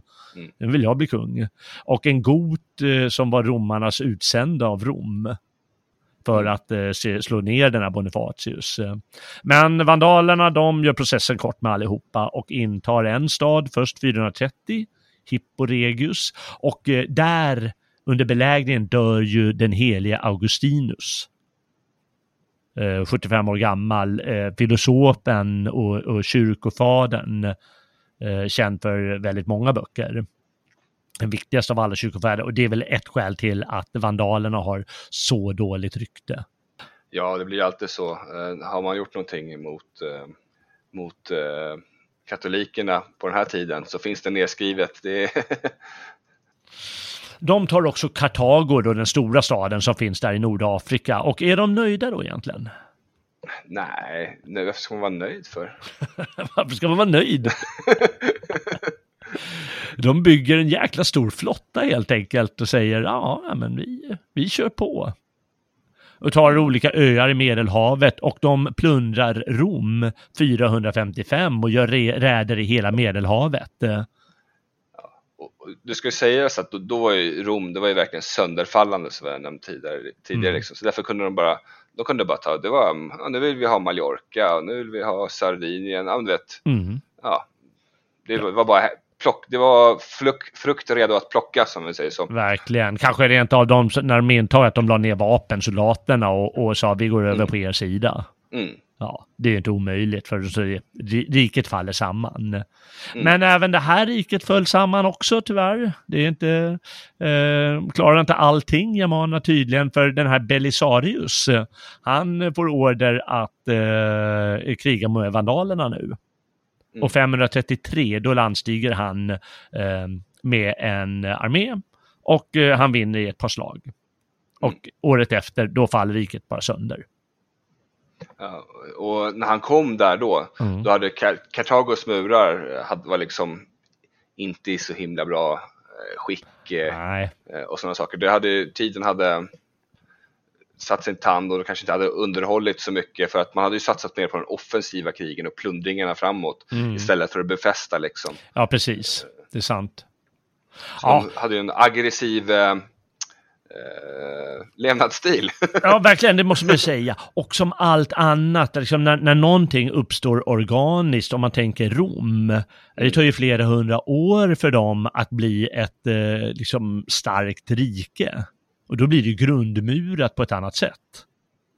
Och eh, det här, ja men vi drar eh, 20 år senare har vi kommit till Nordafrika, ja jaha. och så bygger man ett rike där och så håller det liksom några årtionden och sen, eh, ja ja, mer grundmurat än så var det inte.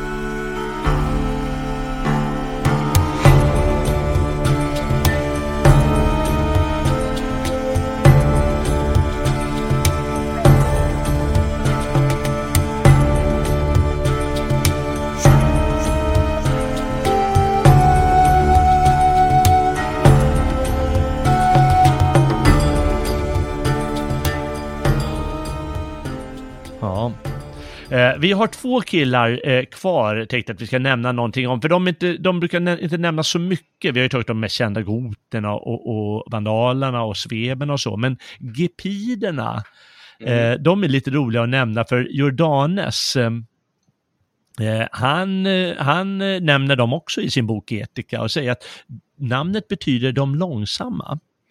För när den här kung Berig drog ut med, med sina goter, då hängde gepiderna med. Eh, men de, tog den, de var på den tredje sista båten som åkte från Skansa. Mm. Så liksom, de är liksom, de är eh, goter wannabes ungefär.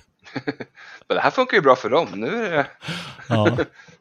Han är rolig också för eh, en, den där Prokopius, historieskrivaren, han säger att ja, men de är, de är som, det är samma stam ungefär som goter och vandaler. Det är samma språk, de är samma vita hy, de är lika blonda, högresta och de är arianer. Ja, mm.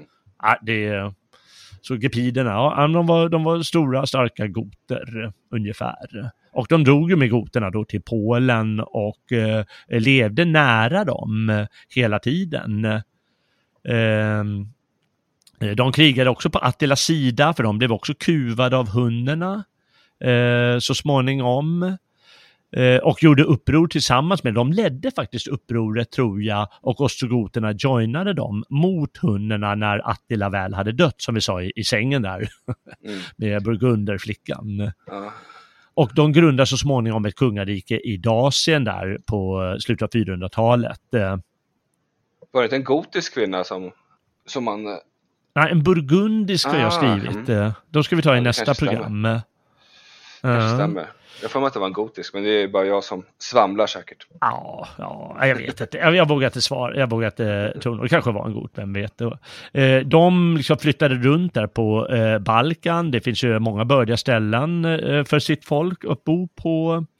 Eh, men slutligen så eh, åkte de på en förlust eh, mot Långskäggen. under deras berömda kung Alboin i ett slag som kallas Asfeld, eller vid Asfeld, men det är egentligen ett mytiskt namn, det betyder Asfältet eller Asafältet. Eh, men någonstans i Kroatien, Serbien var det. Och eh, så småningom, och det här är en så här berömd historia då som eh, Paulus Diakonus berättar när han berättar om Langobardernas historia, att eh, den sista eh, gepidiska kungen, Kunimund, han dödas av eh, Langobardernas Alboin. Och när Alboin, han äktar Kunimunds dotter, Rosamunde, och eh, sen, eh, kanske inte på bröllops, eh, bröllopsdagen, men någon annan dag, då tvingar han henne att dricka ur faderns huvudskål. Som en äkta barbar eh, konung. Ja, och det ska ju sägas att det som är nedskrivet behöver inte alltid stämma. Behöver inte alltid stämma. Jag tycker det är så underbar historia. Det får stämma den här gången då? Eller? Det får stämma den här gången. Ja, Eh, då tog eh, det riket slut och de gick väl upp i, i det langobardiska folket helt Mm. enkelt, gepiderna. Men de hämnades i alla fall och dödade den här Alboin för hans fräckhet. Det hann de med innan de gick upp i langobarderna. Och slutligen har vi herulerna då. Ett underbart namn. De ska också varit från Jordanes, enligt Skan, eh, från Skandinavien enligt Jordanes. Mm. De blev utdrivna av daner tydligen, så de är inte de starkaste eh, nordborna. Nåväl, eh, om man eh, struntar i Jordanes så ska de också ha levt där i närheten av goterna. Och också ha gått då mot Centraleuropa då kring 200-talet och gjorde också räder med goterna där eh, i, i Grekland och runt Svarta havet. Eh, Eh, och de gör sig hörda på samma sätt som goterna, fast de eh, kuvades av goterna så småningom under den här kung Ermarnerek. Ja, Ja. östraste av uh, goternas rike. Precis eh. Och eh, vi, vi ska gå framåt. De deltag... De, de hamnar också under hunnerna förstås, som gepiderna och ostrogoterna när, när hunnerna och så småningom Attila drog fram och kuvade alla. Som ingen kunde hålla stånd mot dem. Förrän romarna eh, fick fram några väst, eh, visigoter och burgunder förstås som kunde eh, eh, klara av att möta Attilas hunner. De förlorade ju det där slaget vid 451. Det får ju nästan ta som ett eget program någon gång. Slaget vid de katalanska fälten. Ja, alltså det finns ju så många saker som vi har ramlat förbi nu som jag Ja. skulle vilja gå in mer i detalj på. Precis, det, det måste vi göra. Men vi tar, tar ett par sådana häftiga slag någon gång. För det tycker jag har ett sånt underbart namn eh, på de katalanska fälten. Mm. Men i alla fall, de eh, gjorde sig också fria från hunnerna när det väl började lösas upp strax efter Attilas eh, död där på bädden. Eh, de är med i alla möjliga krig tills de också förlorar mot langobarderna på 500, eh, kring år 500. Mm. Och vad gör man eh, om man inte vill gå upp i langobardernas folk? Nej, man får åka hem igen. Man åker hem igen. Och då ska de enligt Prokopius ha helt enkelt vandrat hem till Skandinavien. Och det finns lite olika bud, va? alla är lika stolta heruler. Värendborna i Småland, de är väldigt stolta heruler. Men Mm. Blekingeborna, de säger att det är de som är de stolta herulerna. Och hallänningarna också. Det, det kanske finns en möjlighet att alla har en liten del av det här, för folk kan ju ha flyttat lite grann sedan efter 500-talet också. Ja. Ja, äh, otroligt, vilka äventyr va? Ja, och, och, och det ska sägas nu, förstå, det här är ju de sakerna som har skrivits ner. Mm. Eh, förstå alla slag mellan germaner och, och andra folk som inte har skrivits ner under den här perioden. Alltså, vi har ju nämnt några få slag här bara nu, alla plundringar och allting, men, men ja. Allt som ledde, den här butterfly-effekten, eller fjärilseffekten som man Mm, brukar mm. snacka om. Eh, som liksom puttar runt allting och leder till det ena slaget till det andra.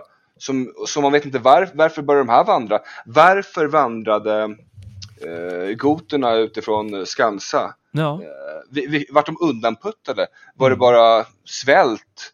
Vad, vad, vad, ja. Ja, precis. Men allt du säger där stämmer. Det läste jag också någonstans att eh, Rom, det är romarna som skriver, eh, det, det, det var ju den lärda världen. Det var där man eh, hade ett skriftspråk. Eh, Germanerna hade ju inget skriftspråk förrän goterna eh, uppfann ett. De så uppfann ett skriftspråk för sitt eget språk. Det låter ju så Mm. konstigt alltihop, men ja, så har det tydligen alltid funkat. Eh, Och eh, romarna, de skrev ju bara historia när de råkade i konflikt med andra. Mm. Så det betyder bara när de råkar ut för olika slag och, eh, och var tvungna att försvara sig eller eh, gå in med eh, trupper eller vad de nu gjorde, då skrev historieskrivarna ner det. Men allt som hände annars, det skrev de ju inte ner.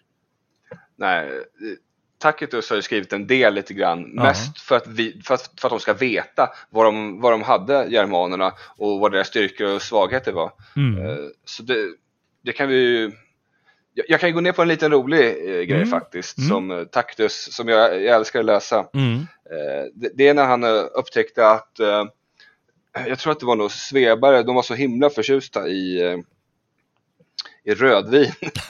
Eh, så att eh, romarna började till slut skicka mer eller mindre falska eller riktiga leveranser med rödvin i närheten av deras här. För ja. att de skulle anfalla och plundra den dagen innan ett stort avgörande slag. Tänk dig vara den killen bara, du kan du ta de här vagnarna och köra i närheten av dem och bli plundrad? Det är ditt jobb nu. Ja, just det. Bara för att vi skulle vara lite slitna till dagen efter liksom. Låter så, alltså det där impossible mission som den här eh, berömda, den här polska adelsmannen när han skulle ta sig igenom turkarnas läger när Wien belägrades. Ja, ja. Just han som gjorde det första kaféet i Wien. Eller? Ja, precis. Ja. Han var modig nog. Mm. Ja, samma här. Undrar om man klarade det där vin, vin, eh, vinhandelsmannen. Ja, herregud. Ja. Ja. Nej, det är ju som du säger, det är så mycket historier som finns och som inte har blivit nedskrivna. Några har tack och lov blivit nedtecknade, men eh, ja, det räcker väl för eh, det är ju, de skapade Europas historia vid det här, tillfäll, det här tillfället. Eh, germaner. Och då har vi inte ens kommit fram till langobarderna, frankerna och eh, anglerna och saxarna som gör den största delen av att eh, grunda det nya Europa. Ja. Vilket- Det, moder- det moderna tänkte jag säga. men Ja, det moderna, ja. ja. Ja, men det blir ju så småningom det Europa Mm. vi känner. Mm. Ja, och det ska vi beröra i nästa program. Eh, om det här. Och det, ja, men det ska bli också roligt. Ja, jag vet inte, kan man säga något mer om de här äventyren som en liten sammanfattning? Eh, Jag, jag kan säga min grej först. eh, Och Mm. det är att eh, alla, alla vi som är riktiga lärare, vi tycker förstås att det här är det som är absolut roligast att undervisa om när man kommer dit. Folkvandringstiden, det är det som är roligast och det är det som eleverna, de tänder ju något enormt på. Det spelar ingen roll om de är, är irakier eller kineser eller något sånt. De bara tittar så här, fan vad coola grejer.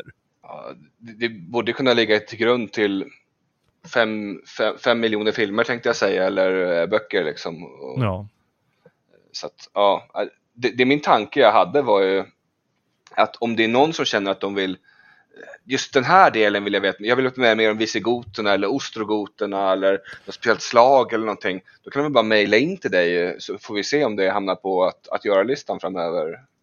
Om de tyckte att just det här skulle jag vilja veta mer om. Vad bra att du säger det. Då kan man alltså mejla eh, till mig på jalle.svegot.se. J-A-L-L-E svegot.se. Äh, bra, bra sagt. Eh, Då kan vi ju, kanske kan, kan vi göra en podd om eh, just det där. Ja. Ja, nej, det finns mycket och vi, ska väl, vi kommer väl till en ny sammanfattning eh, under nästa del. Eh, då vi alltså, för alla som är intresserade, ska ta upp burgunderna, langobarderna, anglerna, saxarna och lite kort om tyringar, bajuvarer och alemanner. Det är spännande. Verkligen. Mm. Eh, Men eh, nu har ju klockan gått över en och en halv timme och då måste vi väl sätta eh, punkt för den här sändningen. Eh, Jättestort tack Timmy för alla insikter och all hjälp. Ja, men tack för att jag fick vara med och som sagt, eh, mejla in. Vill ni höra mer om arianismen eh, och kanske vi kan dra in Magnus. Vill ni höra mer om eh, östrogoterna, visigoterna, då får ni höra av er för, får gälla ta in mig igen, för där kan jag djupa in mig rejält. Underbart, det ska jag definitivt göra. Och jag har ju med dig redan eh, i nästa avsnitt om eh, de övriga germanska folken. Mm. Det, det ska bli kul att ha med eh, speciellt saxarna och eh, langobarderna tycker jag roliga där.